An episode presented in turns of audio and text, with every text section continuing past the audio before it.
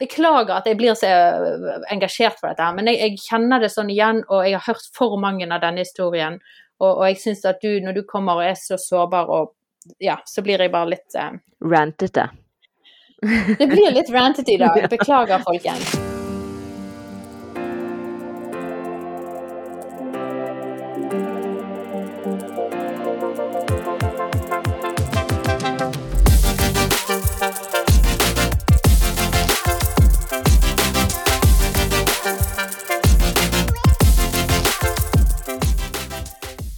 Vil jeg ønske alle sammen hjertelig velkommen til Mammas hjerte-podkast. Utrolig kjekt at hun har lyst å høre nok en prat med oss. Tullingene her. Men jeg har med meg Inger Anette igjen, og det er så kjekt. For hun har hatt seg en liten pause. Og jeg håper at du er med i hele Er du med i hele podkasten i, i, dag? Inger? Jeg er med i hele podkasten i dag. Altså, jeg måtte jo gi deg litt sånn uh, Ja. Altså, jeg sa at jeg måtte gå, men det var egentlig fordi at du trengte litt egen tid. For nå er du så vant til å styre showet sjøl at uh, Jeg er så vant til å ta så mye plass nå at, uh, at uh, du måtte gå halvveis. Måtte ta det litt sånn rolig. Ja. Nei, men det er veldig stas. Og, og, i dag så har vi en utrolig spesiell gjest med oss. Og, og, bare for å si i forkant at vi, eh, vi ønsker at eh, den gjesten skal få bli anonym, eh, fordi at det er en ganske spesiell historie hun skal få dele med oss. Eh, og, og jeg, eh, jeg, bare beundrer dette mennesket som tar et steg ut og ønsker å dele noe så sårt og noe så eh, ja, jeg vil si traumatisk med oss, for at på en måte vi skal kunne lære, vi skal kunne høre de historiene som ikke blir fortalt. Og nå ser du tårene kommer med en gang. men, men, eh, hjertelig velkommen til podkasten vår, eh, kjære Jeg får kalle deg for dagens gjest. Ja, takk skal dere ha. uh, og um, du skal egentlig få lov til å bare begynne og uh, hvis, du kan si bitte litt om hvem du er uten å på en måte si for mye, du skal styre det litt sjøl. Uh, men fortell oss litt, hvem er du sånn helt, helt Hva er det du driver med, egentlig? Ja, hva driver jeg med? Jeg er en en eh, voksen dame blitt. Eh, har tre barn. Eh, tre gutter. Jobber som lærer. Har hatt hele barne- og ungdomstiden min i, i Indremisjon. Vært aktiv i menighetslivet. Har drevet med masse forskjellig. Drevet ungdomsskole, drevet barneklubber. Ja, og er aktiv i menigheten også nå til en viss grad. Så er det da lærer som er eh, jobben min i, i bunn og grunn, da. Så mm. Jeg har noen år på banen. Jeg har jobba 20 år i skolen, så nå begynner, kan jeg vel si at jeg begynner å få litt erfaring. Så det er vel greit. Ja, er, vi begynner å dra på årene, ikke vi det? Ja, det er noe med det. Nei, men det er jo Du sendte inn en mail um, for et halvt års tid siden på en måte som en respons på et tema som vi hadde hatt i forhold til hvordan menighetsfellesskapet og, og, på en måte hvor viktig det fellesskapet er. Og så på en måte kom du med en historie som, som ristet meg litt, egentlig. Og, jeg, og, vi har brukt litt tid på å finne en god tidspunkt å prate om det. For det er ikke alltid sånn at menighetsfellesskapet klarer å ta imot på en god måte. og klarer å være, altså ingen, jeg vil si Ingen kirker og menighetsfellesskap er perfekt, det skal ikke vi forvente å legge til. Til føre. Men, men, jeg tenker at her har vi så Dette som vi skal snakke om i dag, vi har så mye å lære og så mye å lytte til. Så jeg vil bare at alle skal skru Er du del av et meningsfellesskap eller en kirke, eh, du som lytter, så skru på ørene i dag og, og virkelig jeg, jeg, har i hvert fall mye å lære ut av det som vi skal snakke om i dag.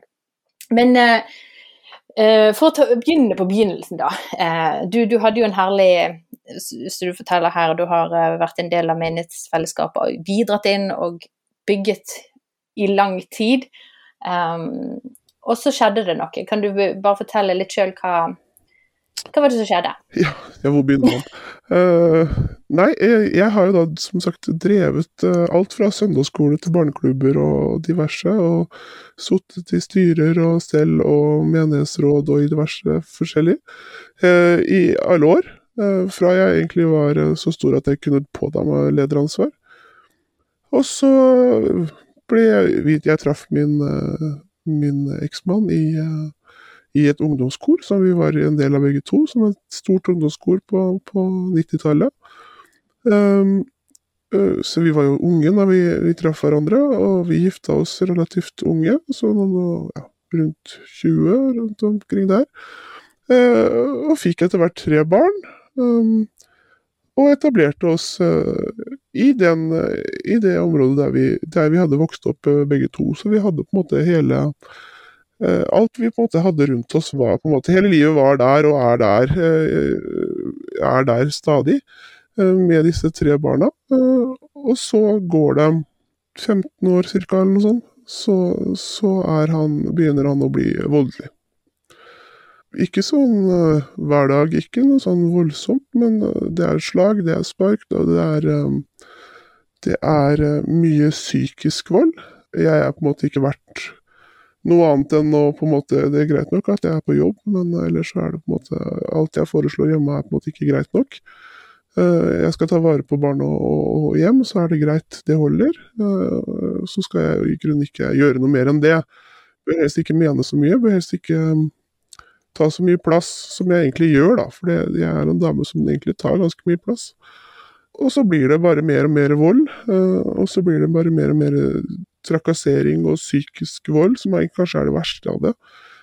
Hele veien. Og, og egentlig så hadde jeg egentlig sagt alltid at dere den som slår meg, da, da, da er det bare rett ut. Det er liksom ikke noe å akseptere. Men så står du plutselig i situasjonen, og så tilgir du, og så sier du at ja, nei, men vi går videre. Um, og så skjer det her igjen og igjen, uh, og så viser det seg etter noen år at uh, han, en, fått, han er syk, uh, og, og, det går på hodet. Og stadig så, så unnskylder jeg det jo med at ja, ja, det er derfor det blir sånn, det er derfor det er sånn. Uh, og så tenker jeg at ja, de ungene har jo best av å leve med, med mamma og pappa som bor sammen. Så, så det er jo bare å, å, å, gjøre det beste ut av det. Hvor mye på en måte oppdag, eller hvor mye var de en del ut av det her? på en måte? Var det en uh... De har nok ikke De sier selv uh, at de ikke har merka noe særlig til det. De har jo merka at det ikke har vært Hans største sier at 'jeg har merka at noe ikke har vært riktig'. og så er det jo alltid du, mamma, som har vært der. Det er alltid du som har gjort alt. Det er alltid du som har stått der, det er alltid du som har vært den som har tatt vare på oss, da. Og det, det stemmer jo. Og jeg har spurt de direkte om de på en måte i etterkant, da, om de har visst noe, eller om de har hørt noe. Og det sier de at de ikke har. De har jo hørt at vi har krangla, men de har ikke hørt noe annet. Så, så de har på en måte, men de har, så hans største sier det at de har merka at noe ikke har vært som det skal. Og så går det Til slutt så er det på en måte så voldsomt for meg at jeg, da, jeg, jeg hadde egentlig hatt, fått nok i lang, lang tid, men så, så, går man i det, og så tenker man at ja, ja, det, vi finner en løsning. Og ungene har best at, uh, at vi bor sammen. Det er så innprintet, og det er jo så på en måte uh, iboende, både ja. i oss, men òg i den kristne kulturen, eller i kristne på en måte tankebanen, sant? at her skal du legge ned ditt liv. Du skal dø for på en måte men, men, men sant, jeg Ja, her må vi virkelig det er jo ikke riktig. Nei, og, og, og Man må jo bare gi det, ikke sant? og så blir det en del av hverdagen. Altså, så, til slutt, men så slutt merker jeg at jeg blir så syk. Uh, altså Jeg kjenner at nå er jeg i ferd med å, å miste grepet litt, og, gå, er i ferd med å gå inn i en skikkelig depresjon. tenker jeg at det her går jo ikke. Jeg, noen må ta vare på disse barna. Og, bruk, og heldigvis så klarer jeg å snu det til det. Uh, at hvis jeg skal klare å ta vare på ungene mine, så må jeg bare ut av dette ekteskapet så velger jeg jo da uh, å, å, gå, og velger å på en måte si at nå er nok nok. Øh, og da var det på en måte, da var jeg så bestemt at da var det liksom uansett hva som ble sagt fra andre siden, så, så, så hadde jeg bare bestemt meg at nå Jeg tar ikke en runde til. Var det noe ønske om å på en måte endre, var det noe ønske om å på en måte prøve å, å ja. Ja, ja så det har, var jo stadig For det, det har jo vært unnskyld mange runder. det her skal ikke skje igjen, og sånn og sånn, og ja. Men det har jeg hørt så mange ganger, og til slutt så var jeg bare på at nå går det ikke lenger. Det, det her går bare ikke, og jeg klarer Det er ikke lenge før jeg ikke klarer å ta vare på ungene mine. Uh, og, og, da var det sånn nå må det bare, må det bare bli, bli, sånn. Kan jeg spørre om dere på en måte fikk dere, gikk dere til noe på en måte en tredjeperson som kunne på en måte se inn i dette her, eller var det hvor mye på en måte fikk dere når du sto i det? En ting er jo etterpå, men på en måte når dere sto i det, vi gikk til parterapi, men det ble aldri uttalt hva som på en måte var hovedproblematikken. Og det tror jeg ikke han innser den dag i dag uh, hva som egentlig var hovedproblematikken. Jeg tror hvis noen hadde konfrontert han med at uh, du ble skilt pga. at uh, du var voldelig, så tror jeg ikke han hadde innrømt det engang. Han hadde ikke sett det på den måten. Uh, han hadde vel påstått at han aldri hadde gjort det. Og alle, i, hvert fall ikke, i hvert fall ikke fysisk, og, og, sikkert ikke heller klart å se den psykiske biten av det heller. Uh, så, så det, han har ikke den selvinnsikten i det, tror jeg. at det hadde vært, vi, Men vi gikk til parterapi, og vi prøvde forskjellige ting. og, og i, i, flere år uh, i forkant av det her, da. Og, og, da var det liksom det, det, var ikke mer å, å, på en måte hente. Og da ble det dessverre som det ble. Men følte du at du ble sett og hørt eh, på en måte i de samtalene, eller var det sånn at det var liksom sånn nei, det er ingen som ser og hører og forstår det som egentlig er greien her, så dette er jo ikke noe på liksom. Nei, jeg, jeg liksom turte nok ikke å si. Jeg turte ikke å fortelle hele historien, og da, da, da blir det til at man lager en litt sånn en overflate, og da var det jo ingen som catcha på en måte hva som egentlig lå helt i bunn. Eh, så, så, jeg følte jo i og for seg at jeg ble møtt og sett på de tingene jeg uttalte, men jeg, jeg hadde jo ikke noe Jeg turte jo ikke å si noe. Jeg turte jo ikke å på en måte fortelle hele bildet. Uh, og da ble det jo ikke til at det blir en reell terapitime, egentlig. For du klarer jo ikke å For det, det, er jo en frykt man går i, da. For hva skjer da når man kommer hjem? Ikke, ikke sant? Ja. Det er jo akkurat det. Uh, nei, utrolig smertefullt å høre, altså. Nei, jeg må bare òg minne om den Vi har jo òg en podkast tidligere med en um, med Mai Bente Matre som snakker om dette med når den ene part i parforholdet er psykisk syk. Og da snakker hun òg akkurat mye om akkurat den situasjonen du står i der, uh, i forhold til når man eh, ikke blir trodd, ikke blir forstått, ikke, blir, ikke, egentlig tør å komme med hele greien, og den andre parten er på en helt annen planet og ikke ser og forstår på en måte, og hvor, hva som er viktig der. Da. Så hvis det er noen som på en måte ønsker å gjerne det, det, kan jo være noen som lytter på som på en måte kjenner igjen noen av disse tingene du snakker om. Uh, og da, da hører den podkasten òg som hun Mai Bentre uh, Den er tilbake et år i tid. Um, utrolig viktig å, å for hvert fall være helt, å kunne være helt dønn ærlig med i hvert fall ett menneske som, som, som, du som på en måte eh, den pårørende kan dra inn i smerten og bare si sånn er det egentlig. Eh, det var litt det hun falt på, at det, den pårørende må få støtten på den plassen den står på. fordi det er så, det er så svakt når du står på den plassen alene, og, og sant, du, du, med frykt for gjerne å bli eh, overfalt når du kommer hjem, ikke sant. Også, eller med en annen som på en måte bare vil gå tilbake til psykisk trakassering. og så du, du, du, tror jo ikke det sjøl, for du, du, er jo den eneste personen i den verden som lever. Eh, og, men på en måte hvor hun var ganske nøye på at du trenger å trekke inn en, en, tillitsperson som man har i livet, som kan komme inn på den mørkeste plassen og stå og hjelpe å stå på den plassen. For det er ganske tøft. Og sånn som du sier, du ble jo helt ned, altså ja, deprimert. da. Ja, ja du blir jo syk av det. Du blir syk, ja. Mm. Og, og, det er viktig å ha noen. Uh, og det er viktig å på en måte ha noen som tåler å stå i det. Hadde du det? Fant du en sånn, eller noen som du kunne ja, jeg fortelle? Hadde ei, ei, jeg har ei venninne som, eh, ja. som, på en måte har uh, visst uh, Ikke fra helt fra starten, for det tok litt tid før jeg turte å fortelle henne det. Uh, men som har på en måte stått i og visst om ting, og prøvd virkelig å få meg til å på en måte ta steget flere ganger og sagt noe om at du må, du, og du må tørre, Hvis ikke du tør å gå, så må du i hvert fall tørre å si noe om det i, i, på terapi, og tørre å si noe om det i, i helheten. da. Så det, sånn at du får den hjelp, eller dere får den hjelpa du trenger. Um, men det er liksom sånn der at jeg har ikke turt, jeg har ikke på en måte vært uh, tøff nok til å tøff nok til å på en måte fortelle. Jeg har ikke turt å på en måte Så jeg har hatt én, og det har vært superviktig, og hun står der stadig i dag. Og hun er kanskje den som på en måte jeg har den næreste relasjonen til da, uh, i dag, fordi at hun har jo på en måte tålt å se den svake siden og har vært tøff nok. Og det er viktig å på en måte, hvis du får hvis man, Jeg tenker hvis man blir vist den tilliten nå, for de som menneskene som hører altså som får den der, altså, da er det Hvis noen tør å på en måte åpne seg for deg, så må du bare stå i det. For da er det virkelig en tillitserklæring, og da må man virkelig bare Og det er ikke alltid man kan få hjulpet til, og det har hun sagt noe om. og jeg prøvde jo å si noe til deg, jeg prøvde jo å, få deg til å gå tidligere, jeg prøvde jo å få deg til å se det hele bildet, men du ville jo ikke høre. Jeg, jo, jeg ville høre, men jeg, jeg, måtte bli klar i hodet selv.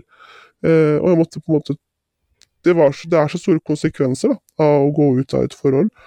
Eh, sånn at det var Det var for tøft å gjøre det. Og, men når jeg først da gjorde det, så har jeg på en måte tenkt at ja, det, det, det er jo det eneste riktige. For det er ingen som har lov å behandle andre på den måten, da. Mm.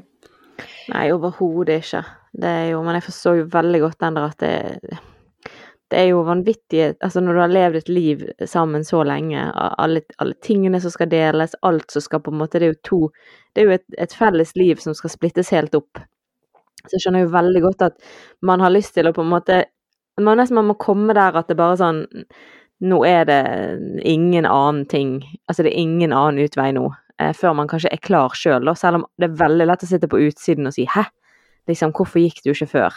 Ja. Men det er ikke så lett når du står der sjøl og har vært i et forhold så lenge og er så på en måte knyttet sammen gjennom hele livet og venner og familie og alt. I hvert fall hvis ikke han vil innrømme hva som har skjedd.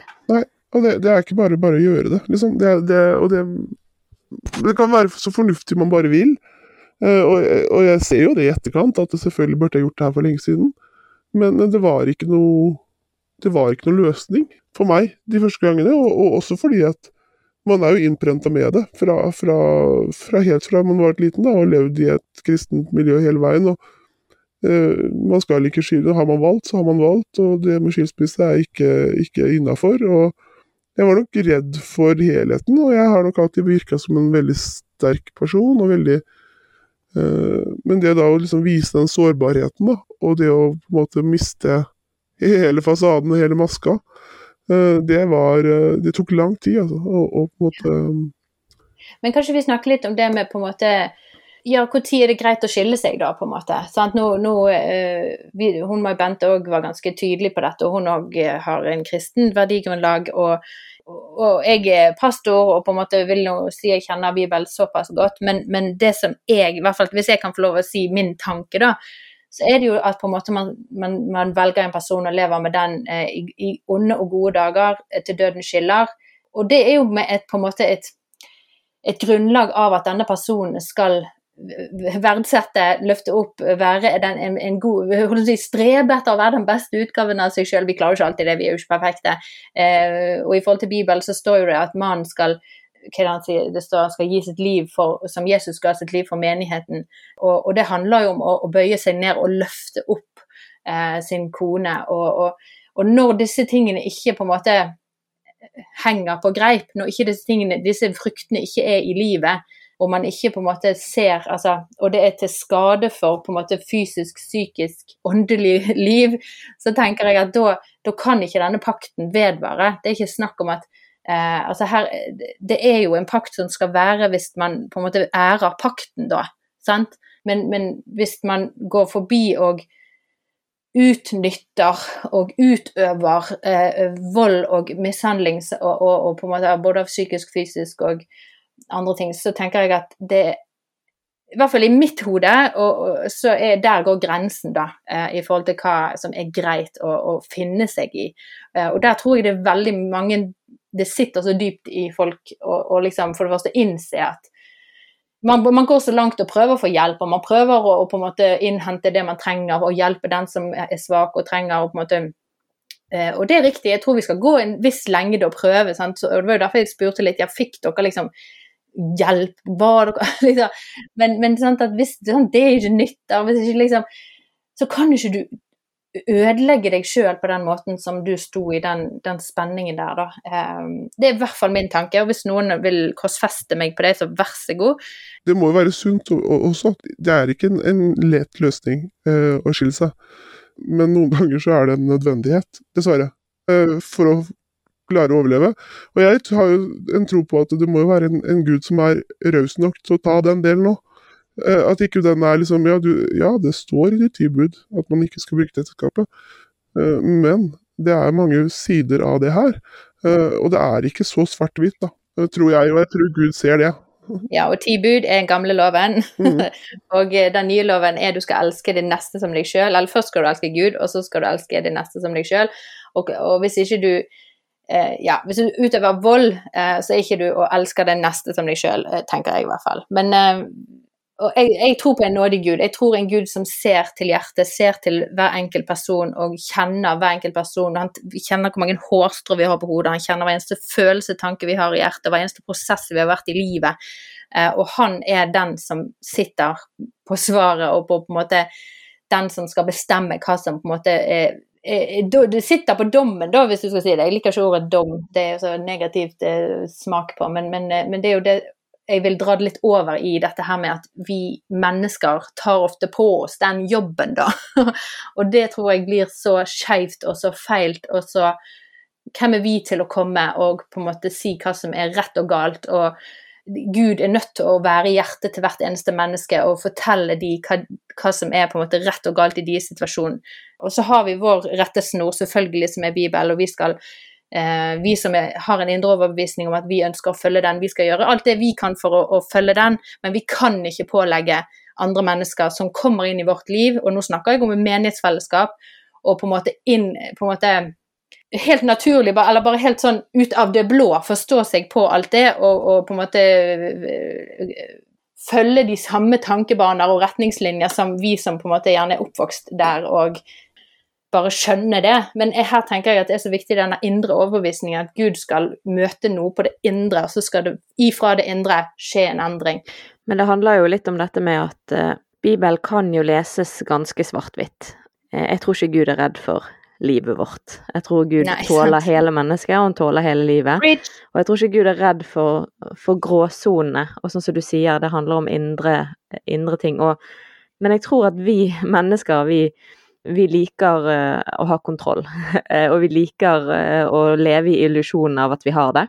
Og da snakker jeg veldig mye for min egen del. Sånn at ja, og, og, spesielt menigheter som har Det finnes jo veldig mange forskjellige typer menigheter og hva de fokuserer på, men en type indremisjonsmenighet som både meg og deg er vokst opp i, kjære gjest, eh, det er jo menigheter som er veldig opptatt av eh, Altså har veldig mye fokus på, på Bibelen. Eh, og det som er fint med det, er at de er veldig opptatt av sannhet. Og sannhet er det kraftig. Det er veldig mye kraftig å på en måte søke sannhet. Eh, men, men, i det så kommer det et bakteppe, eh, og det heter frykt. Eh, og det er frykten for å gjøre feil. Og den har jeg i hvert fall opplevd har stått sterkt i sånne type menigheter. Og da blir man på en måte så redd for å gjøre feil at man tar den frykten på en sånn måte at det blir veldig vanskelig når livet ikke ble helt sånn som man hadde tenkt. Og dette her er ikke noen kritikk til hvordan jeg opplevde Eh, jeg ble ikke møtt på noe ufin måte, men jeg ble sammen med en mann som hadde et lite barn. Og det er jo et en måte, livets gråsoner. Der på en måte Det var ikke en, en god løsning at de skulle eh, ha giftet seg. Men når man da på en måte er liksom aktiv i en menighet, og man har vært eh, med i et ungdomsarbeid i elleve år, og man har vært ungdomsleder i mange, mange år, og plutselig så blir man sammen med en som, som har et lite barn, så blir det en av de tingene. Som selvfølgelig er veldig mye mindre dramatisk på den måten enn, enn det som det snakkes mest om her. Men det blir litt samme de mekanismene som, som slår inn, med at det er en opplevelse av at man For at man skal føle at man kan på en måte være helt en del av fellesskapet. Det var sånn opplevde jeg det, uten at jeg har noe å anklage på noen. Det er på en måte bare min følelse i det, da.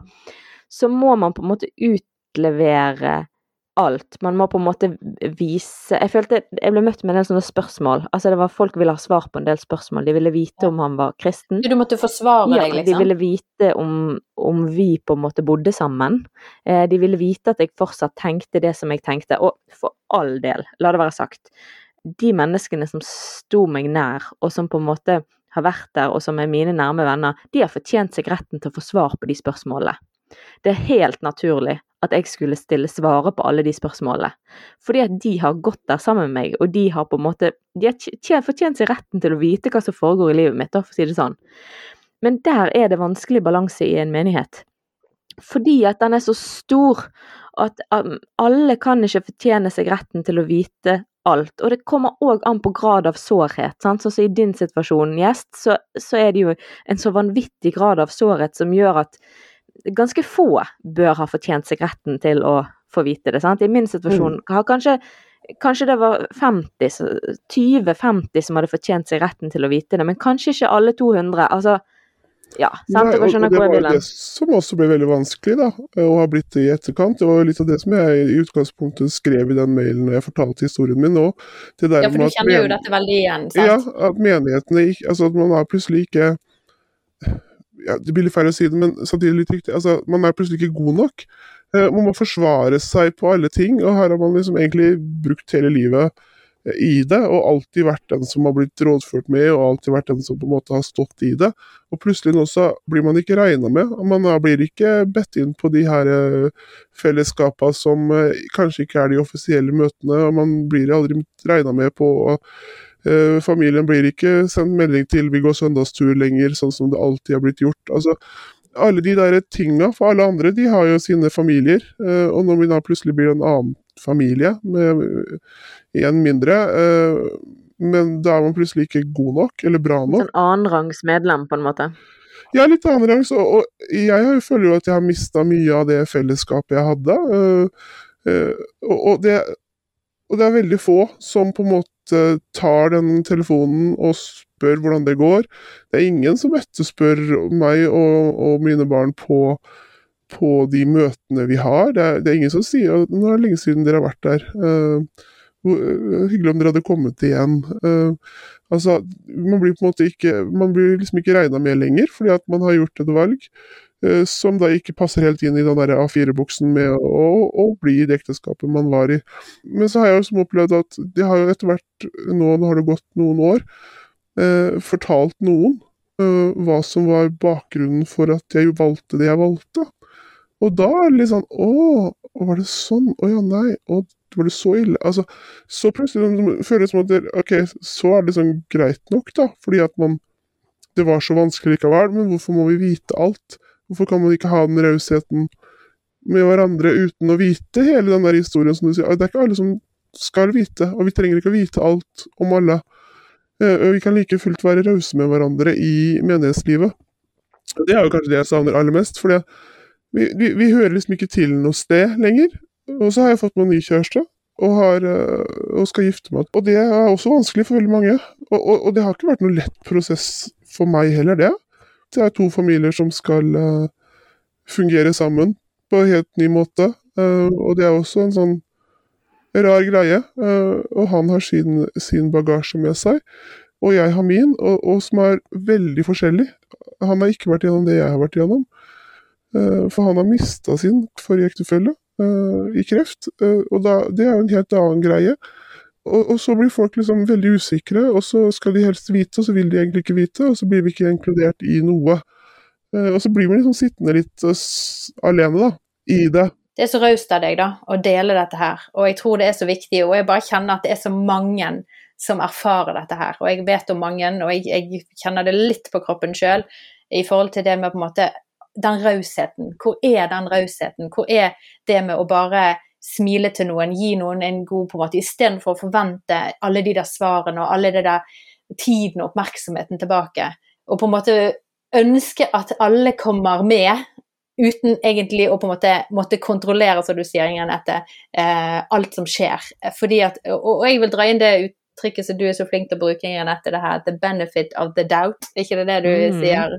Å øve seg på å på en måte tro det beste om de du har rundt deg, og tro at de får Altså, du er jo en altså, Tro det beste til det motsatte er bevist. Tro det beste til det motsatte er bevist. Du er jo en fantastisk oppegående, smart, og tenk den enorme prosessen du har gått gjennom. Både Det er så komplisert og vondt og vanskelig å stå i alt det som du har stått i, men òg bare gå fra å bryte opp en familie, men òg å møte en ny Altså, bare det å møte en ny og begynne tanken av å smelte sammen, altså, og så begynne å gjøre det, introdusere, og så begynne å planlegge faktisk fysisk hvordan det det er så Altså, skjønner folk hvor svært og komplisert dette her er? Og på en måte bare tenke at ja, du har faktisk tatt prosessene, og du har faktisk sikkert spurt Gud, og du har helt sikkert eh, gått og hørt med noen utenfor hva som er lurt. Altså, tro nå det beste om folk, da! Altså, Ikke forvent at folk bare går på altså Det er jo noen som går ut for stupet uten å på en måte eh, se seg for å spørre noen om hjelp. Men jeg tenker at i hvert fall åh, nei. det er for mange av disse historiene. Uansett om vi er enige, og så er det den, sant. Uansett da, om man på en måte ikke greier den prosessen der, å være enig, eller om man syns det er vanskelig at noen har gjort sånn, eller noen har gjort sånn. Ok, men kan vi være venner for det om? Kan vi leve med uenighet uten at vi må nødt til å diskutere alt, uten at vi må på en måte Altså, jeg kommer jo fra en familie som ikke er kristen. Jeg klarer jo fint å leve side om side med de. Vi trenger ikke å ta alle tingene vi er uenige om, i hvert familiebesøk. Vi er familie for det om. Eh, og da er det litt det samme oppgjør. Men det er søren ja, litt det samme. Så kommer inn i en menighet, så kommer ikke Altså, jeg er sikker på at hvis vi hadde tatt hver menighet, så skulle du greid å finne ting alle var uenige om. Hvis du hadde tatt opp alle de store spørsmålene og stilt folk rundt. Så du skulle sikkert funnet ting å krangle om hvis vi ville det. Men kan ikke vi på en måte bare Ok, hvis det er noen som syns det er vanskelig at noen er skilt, da, eller at det er noen som syns det er vanskelig at vi har en en gutt som ikke er biologisk min, og at vi er gift, eller at Det er tusen andre ting man kan synes er vanskelig. Ok, men kan vi la det ligge, og så er vi en menighet, og så på en måte må vi bare stole på at Gud ser til hjertet. Og hvis det viser seg at jeg har gjort noe feil, eller at de har gjort noe feil, så må vi bare stole på at Den hellige ånd vil overbevise om synd. Og det er ikke vårt ansvar. Eh, og, og, da er det på en måte litt sånn Da må vi Selvfølgelig så fins det noen grenser, sant. Altså hvis noen hvis noen lever på en sånn måte at man tenker at det, dette her er virkelig bare sånn eh, Ja, altså du, du, du treffer de på en måte på, på byen hver eneste dag, de kommer drita full inn i kirken, altså alle mulige sånne ting, eh, så kan det jo hende at kanskje ikke de skal lede lovsangen. Sant? Altså, det fins noen, på en måte, så det fins noen Da tenker jeg lederne har full kontroll over ja. Eh, de situasjonene der. Og hvis du som på en måte bare er menighetsgjenger, altså er ditt hovedansvar er å elske din neste som deg sjøl, og bare se med disse nådens øyne. Og da tror jeg vi trenger hjelp av Den hellige ånd. Altså, han er vår hjelper, og jeg trenger mye tålmodighet til å se for tiden med, med, med langmodighet, tålmodighet og alt dette her på alle mennesker rundt meg. Det er det vi skal utøve. Vi også tar lederne, de har et overordnet blikk over flokken og vil kontrollere de tingene som er helt utskeielser utenfor hva som er greit. Så jeg tenker vi må slappe av. Vi skal Ja, nei. Beklager at jeg blir så øh, engasjert for dette, men jeg, jeg kjenner det sånn igjen, og jeg har hørt for mange av denne historien. Og, og jeg syns at du, når du kommer og er så sårbar og Ja, så blir jeg bare litt eh... Rantete. det blir litt rantete i dag. Beklager, folkens. Men jeg rantet jo på den første podkasten jeg var med på etter uh, min lille pause. Ja. Så. Men hvordan, hvordan, har du det i dag, for, for på en måte lande i, til, til, i dag, da, på en måte? For dette du Altså, jeg har det egentlig eh, Jeg har det egentlig veldig bra. Men jeg savner, jeg savner menighetslivet. Det kjenner jeg. Jeg har eh, en fantastisk eh, forlovede og samboer som er raus, og som tåler å stå i det. Vi er ikke heller enige om alle trosretninger og trossyn og allting, men vi, vi, klarer å finne vår balanse på, på, hvordan vi skal løse det. Men jeg savner det her menighetslivet, jeg savner det for barna mine sin del. Jeg savner det å på en måte at venner som jeg trodde jeg hadde, tør å sende den meldinga at vi går tur på søndag. Blir dere med? Og så er det ikke alltid det passer, for det er ikke alltid det går likevel. Når man skal drive med barn litt hit og dit og sånne ting. Men, men samtidig så det at noen eh, hadde sett det, og på en måte gjort det sånn som de alltid gjorde før.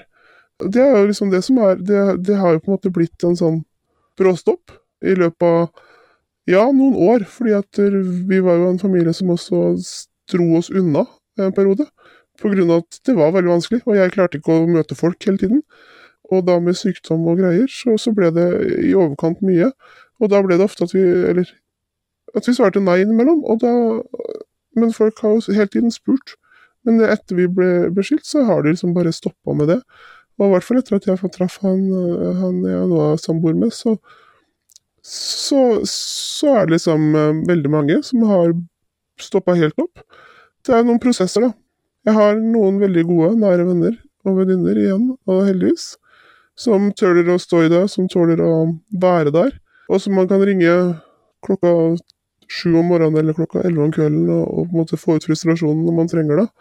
Sånn generelt sett eh, så har jeg det egentlig veldig bra. Jeg har funnet en god plass i livet. Jeg har klart å balansere, balansere meg. Eh, ja, eh, det, det dukker opp følelser og minner og, og, ting som man ikke visste lå der, som kan trigges av lukter og lyder og, og ting eh, som egentlig ikke kanskje har hatt noe med noen situasjoner å gjøre, men som kan vekke noen følelser i kroppen som jeg ikke klarer å styre. Og det kommer jeg nok til å ha i mange, mange år. Og da er det jo veldig deilig å ha en, en, eh, en som tør å stå i de følelsene. Eh, og som tør å stå der når livet Altså, for meg føles det som at alt rakner igjen, da. Fordi at For kroppen responderer helt uavhengig, og hodet responderer uten at du egentlig skjønner hva som skjer før etterpå, kanskje. Uh, det, kan være, det, kan være, en berøring, det kan være en lukt, det kan være en, en, en lyd eller en sang, eller, altså, som man ikke tenker over at kommer til å trigge noe. Én ting er at man skjønner at perioder som jul og, og, og, sånne ting kan på en måte vekke gamle minner, men det kan være helt hverdagslige ting som plutselig nå etter flere år bare slår inn i kroppen uh, med sånn fysisk spenninger og fysisk altså, Jeg kan plutselig bare begynne å gråte, uh, helt uten at jeg, jeg, jeg, skjønner det ikke før i etterkant. da, Hva var det som egentlig skjedde nå? Hva var det som trigga det nå? Og det, det, er ganske sånn heftig å stå i. Og da er det ganske tøft uh, av den andre å klare å gjøre det over tid. For det, det, er jo ikke sånn at det her skjer én gang, og, og så er man ferdig. Men han har jo sine ting Eh, som også plutselig blir trigga eh, i forhold til det å miste noen. Og det, da må man jo være litt rause med hverandre, tenker jeg, og stå i det sammen. Eh, men da må man jo ha en god porsjon raushet over levd liv, og det tenker jeg vi må ha med oss både i vennskap og i, i familier og i menneskeliv, at vi har alle et levd liv som preger oss på godt og vondt. Og det, den rausheten for det levde livet, det må vi den må vi bli flinkere til å på en måte ta med oss, da. Selv om ikke alle, alle er der. Eh, man trodde man skulle være. Jeg hadde jo en annen plan enn det som ble nå. Altså, jeg, jeg gikk jo ikke inn i et ekteskap for at det var, at det var sånn her det skulle bli, liksom. Åh, det er så bra sagt. Tusen takk, altså, for, for at du belyser dette. For at du er så ærlig, og, og at du tar oss med inn i, inn i, dette. Og jeg sitter igjen med den, det du sier akkurat der, med den rausheten med vår historie, vår bagasje ha nåde eh, med hverandre og med seg sjøl. Og at på en måte man ikke alltid skal forvente å måtte vite alt om alle for å på en måte vise aksept eller vise kjærlighet mot noen, da. Eh, og, jeg vil si én ting. Ja, vær så god. Og det er at eh, hvis du har en sånn venn, da, eller en eller annen som du syns er litt vanskelig å forholde deg til, så kan jo du se det som en øvelse da kan du, å kontakte dette mennesket, sånn at du faktisk er i stand til å forholde deg til eh, hvis det kommer folk inn i menigheten som har helt andre bakgrunner, som vi gjerne ønsker Vi sier vi ønsker vekkelse, og vi sier vi ønsker at folk skal komme til kirkene. Og da kan man jo ta de som på en måte man syns er litt vanskelig å forholde seg til, og så kan man begynne å øve seg på de. Eh, så er man på en måte Så er man klar, da, når på en måte de andre som har mye verre historier, som har mye vanskeligere på en måte bakgrunn, eh, når de kommer inn, så er man klar og vi er alle på en vandring. Vi er, ingen er perfekte. Eh, ingen vil være perfekte før vi kommer der vi alle ønsker å være, det er i himmelen.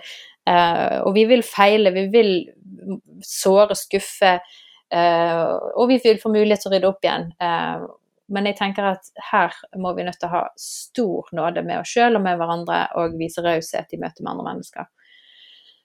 Oi, oi, oi. Ja, neimen eh, skal vi gå til en avrunding? Eh, har du noen ord du ønsker å få sagt til slutt, kjære gjest, eller du, føler du at du har fått Nei, jeg, jeg, tror jeg på at jeg har fått sagt mye av det jeg ville si. på en måte. Men det, jeg er veldig opptatt av den rausheten, og det der med at det dere sier nå med Øv på, på, på sånne som meg, da. Uh, altså, øv på de som på en måte har vært innafor. Hvordan skal vi få tatt godt imot alle andre som vi ønsker inn, hvis man ikke klarer å ta vare på de vi allerede har innafor. Det er jo ikke rart frafallet blir stort hvis, liksom, hvis vi ikke kan ta vare på hverandre fordi at livet er vanskelig. Og det kan være så mange grunner til at livet er vanskelig. Eh, det må ikke være en heftig historie som min. Det kan være mange andre ting, og det kan være mange ting som er enda mye verre òg. Og det her med, og i hvert fall i forhold til ja, både med skilsmisser og det, alt, med, alt det her med tap, øh, om det er dødsfall eller om det er øh, ekteskaps- eller barn eller altså det, det, er mange måter tap i livet. Og det å tørre å stå der i et tap For ekteskapsbrudd er også et tap i, i, livet. Det blir en helt annen vending. Eller et dødsfall av, av relasjoner som man kanskje Om det er barn som dør, eller om det er andre ting, så, så er det også veldig vanskelig for mange å forholde seg til. og Det er viktig å ja, tørre å, å være, være, det, det gode medmennesket som, som, vi egentlig skal være, da. Som, som, vi har lært at vi skal være, og vi, vi egentlig vel alle ønsker å være. Og det som du sa i stad, øv, øv, på, øv på de litt vanskelige relasjonene innad i menigheten, og så ta vare på hverandre. For det er, det er viktig å se hverandre. Nei, men da, det, Tusen takk, altså, eh, for, for de siste ordene. Og så vil jeg jo bare avslutte som hun godeste Else Kåss Er det Furuseth hun heter? Mm. Må dere ha en fin uke og ta vare på hverandre, pleier hun alltid å si på slutten av eh, eh, sendingene sine. Og det, det, ta, det, må vi ta til oss, folkens. Skjerpings, skjerpings! Kommer pastoren med fingeren sin. Pastor og hyrdestaven. Nei, men Tusen takk for at du lyttet inn. Eh, eller først og fremst tusen takk til deg, herlige gjest, som tok tid og, og ville ta oss med på denne historien. Det var utrolig bra. Takk for at du kom. Takk for at jeg fikk lov å dele. Takk til deg, Ingrid Anette, som eh, stiller alltid så Stiller ikke alltid, da. Jeg har jo hatt pause lenge nå, men til i dag. ja. Og takk til deg som lytter. Jeg håper at uh, dette kunne være nyttig og, og, og, noen viktige, ja, veldig, veldig, veldig livsviktige ting å ta med seg her, vil jeg si. OK, men da må jeg jo bare si at vi høres i neste episode. Ha det godt!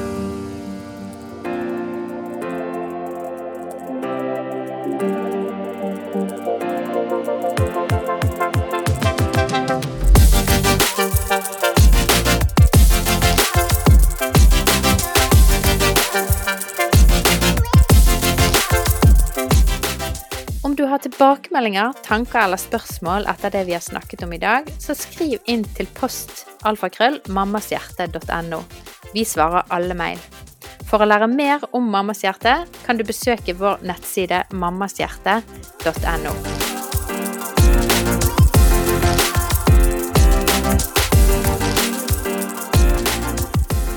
Denne podkasten er laget i samarbeid med Tro og Media og Familiesenteret i Bergen.